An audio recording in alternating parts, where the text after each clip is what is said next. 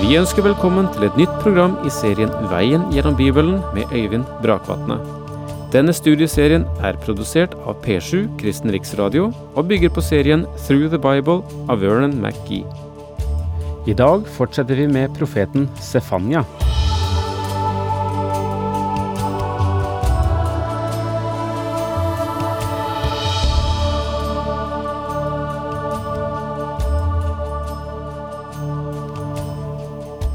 Sefanya er en myndig profet. Det kan du sikkert si også om de øvrige profeter. Men eh, Sefanya hadde en vanskelig oppgave. Å gå inn mot sentrum i Judariket. De som så seg selv som de mest utvalgte, om vi kan bruke det uttrykket, og forkynne Herrens dom over dem. Og som bakgrunn hadde han en, en dobbel myndighet. Han hadde for det første myndighet fra Gud, som eh, ga ham budskap, som utvalgte ham til å være hans profet, og lot ham stå frem eh, i et gjenstridig folk. Men i tillegg til det så hadde også en så hadde også Sefanya en sosial myndighet, ved at han nedstammet fra en kongelig linje. Han var ikke en hvem som helst. Han hadde sin bakgrunn, han hadde sin myndighet, på samme måte som Paulus kunne påberope seg sin etterlinje og eh, sitt forhold til fariseismen og sin lærdom eh, som en del av den myndighet han kom til folket med. Det kunne også Sefania. Han var av kongelig avstamning. Hans eh, tippoldefar var kong Joshia. Og det ga det han sa, en eh, ekstra vekt når han nå gikk til ledersjiktet i folket som satt i Jerusalem. For de første rekke Juda og Jerusalem som Sefanya eh, venner seg til, iallfall her i det første kapitlet, og i neste kapittel eh, sprenges de grensene, og han eh, har et ord å si fra Herren til eh, alle nasjoner og alle folk. Nå går vi inn igjen i vers 14 i kapittel 1, og der møter vi igjen dette, denne tekniske termen, dette spesielle begrepet, som heter Herrens dag, og som dekker, hvis vi ser eh, profetene under ett, som dekker både den avsluttende trengselstid i israelsfolkets historie, så vel som opprettelse av riket ved Herrens, ved Jesu, ved Messias komme. Og, og derfor har med seg både en natt og en dagside. Altså vers 14. Nær er Herrens dag, den store, den er nær og kommer med hast. Hør, besk er Herrens dag, da roper krigeren høyt. Ja, vi så litt på det verset eh, sist, før vi eh, sa farvel til hverandre. Men la meg bare fortsette med å si at Sefanya sier her, den er nær, og den kommer med hast, altså denne Herrens dag. Besk er Herrens dag, der roper krigeren høyt. Med andre ord ville situasjonen med klagemuren bli en virkelighet.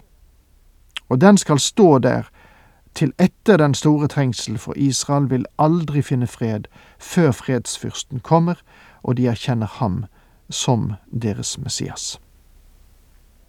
Den dagen er en vredens dag. En dag med nød og trengsel, en dag med storm og herjing, en dag med mulm og mørke, en dag med skyer og skodde. Det finnes en intensitet i disse setningene som du erfarer på hebraisk, men som ikke kommer så klart frem i vår norske oversettelse. Det som tenkes her, er en økende intensitet i det som skal ramme folket. Det går fra vondt til verre. Der er en nedadstigende linje. Ondt verre, verst. Det er det som eh, skinner igjennom i eh, den hebraiske språkbruken. Og Sefanya taler her om intensiteten i den dom som kommer, og det er naturlig at spørsmålet reiser seg. Hvordan kan en kjærlig Gud gjøre dette? Og vi vil se, før vi avslutter studiet av denne boken, at det er som den illustrasjonen jeg fortalte i introduksjonen til Stefania, Du husker den om faren som tok sitt lille barn til sykehuset for å bli operert. Bildet kan fremstilles på en slik måte at det virker som faren er grusom og hard, som tar henne med til legen som vil stikke en kniv i henne. Men faktisk er det slik at alt det faren gjorde, gjorde han av kjærlighet til denne piken. Selv den store vredesdagen er en Guds dom, men den har i seg Guds kjærlighet. Uansett hva som finner sted, er Gud kjærlighet. Eh, selv i dommen er Gud fremdeles en kjærlighetens Gud. Han dømmer fordi det er vesentlig å dømme det onde som kan frarøve dem han elsker, det de trenger best. Og det gjør han fordi han må være tro mot seg selv, og han kunne ikke være god mot sin skapning uten at han gjorde det.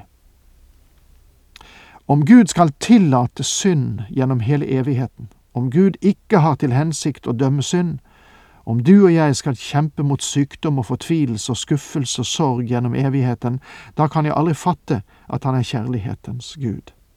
Men om du forteller meg at Gud vil dømme synden, sette en strek, at han kommer med sin mektige dom, og at han skal fjerne synden fra sitt univers, da vil jeg si, slik må det være.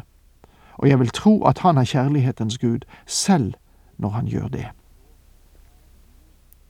En dag med horn, og hærrop mot de faste borger og mot de høye tårn.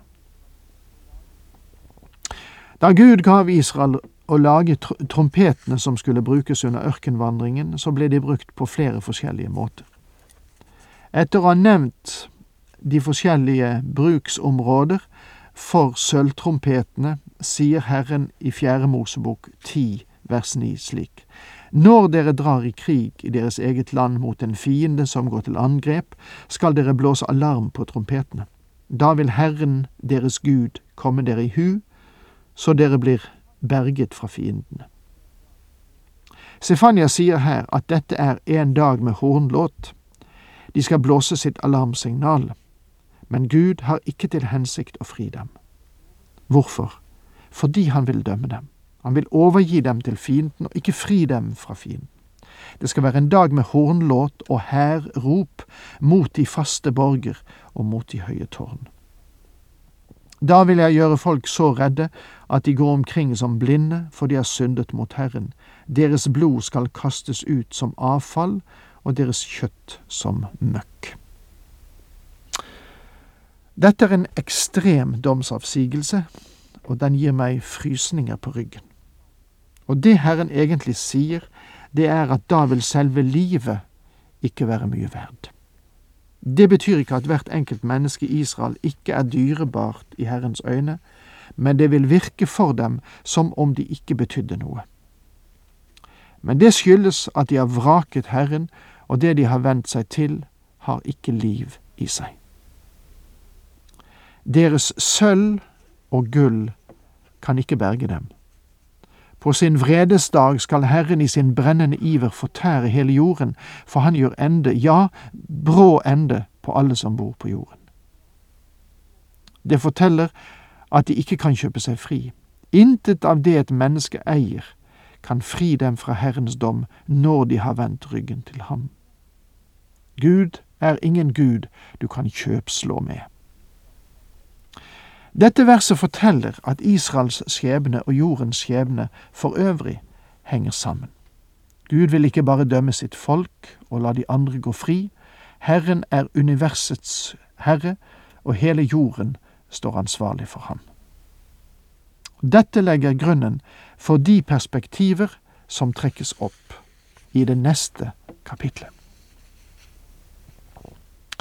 Og det er det neste kapitlet, nemlig kapittel to, vi skal gå inn i nå.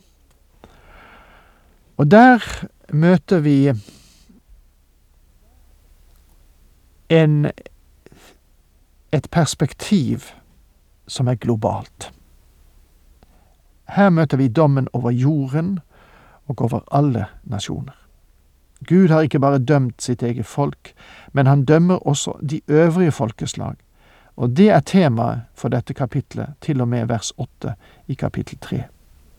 Men Gud er nådig, langmodig, og er ikke villig til at noen skal få gå. Derfor sender han ut en siste innbydelse. Et siste kall, om du vil. Selv om man nøkternt sett skulle trodd at han hadde nådd grensen for sin tålmodighet, så sender Gud gjennom Sefanya ut Guds siste kall til Juda i de første tre versene i kapittel to, og ber dem om å vende om og komme til ham. Kom sammen, hold samling, du folk som ikke kjenner skam. Kom sammen, hold samling. De skal komme sammen som et folk, som en gruppe tilbedere som tigger Gud om å fri dem, og at han må tilgi den synd de har begått, og at de gir løfte om at de vil vende seg fra alle sine onde veier.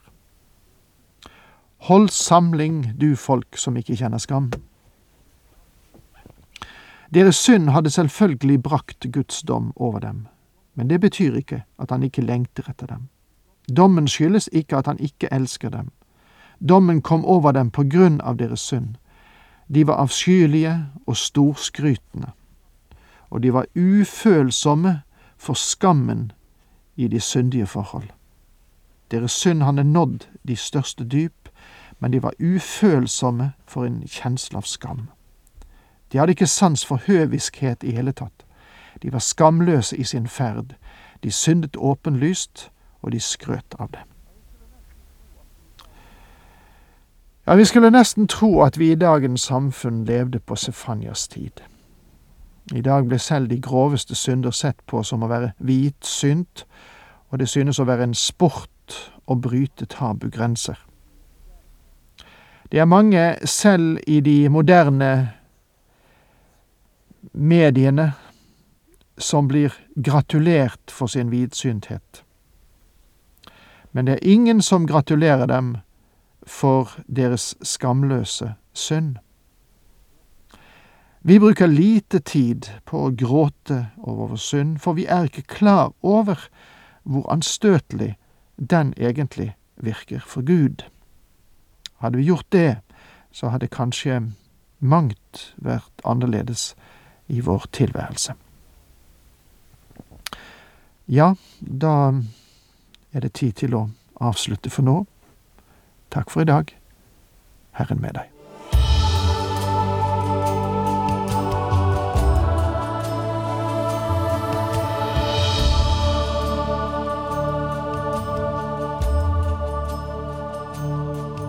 Du hørte Øyvind Brakvatne i studieserien Veien gjennom Bibelen. Serien bygger på et manus av Vern McGee. Har du spørsmål eller kommentarer til programmet, kan du sende en e-post til vgb krøllalfa p7.no. Takk for i dag, og på gjenhør.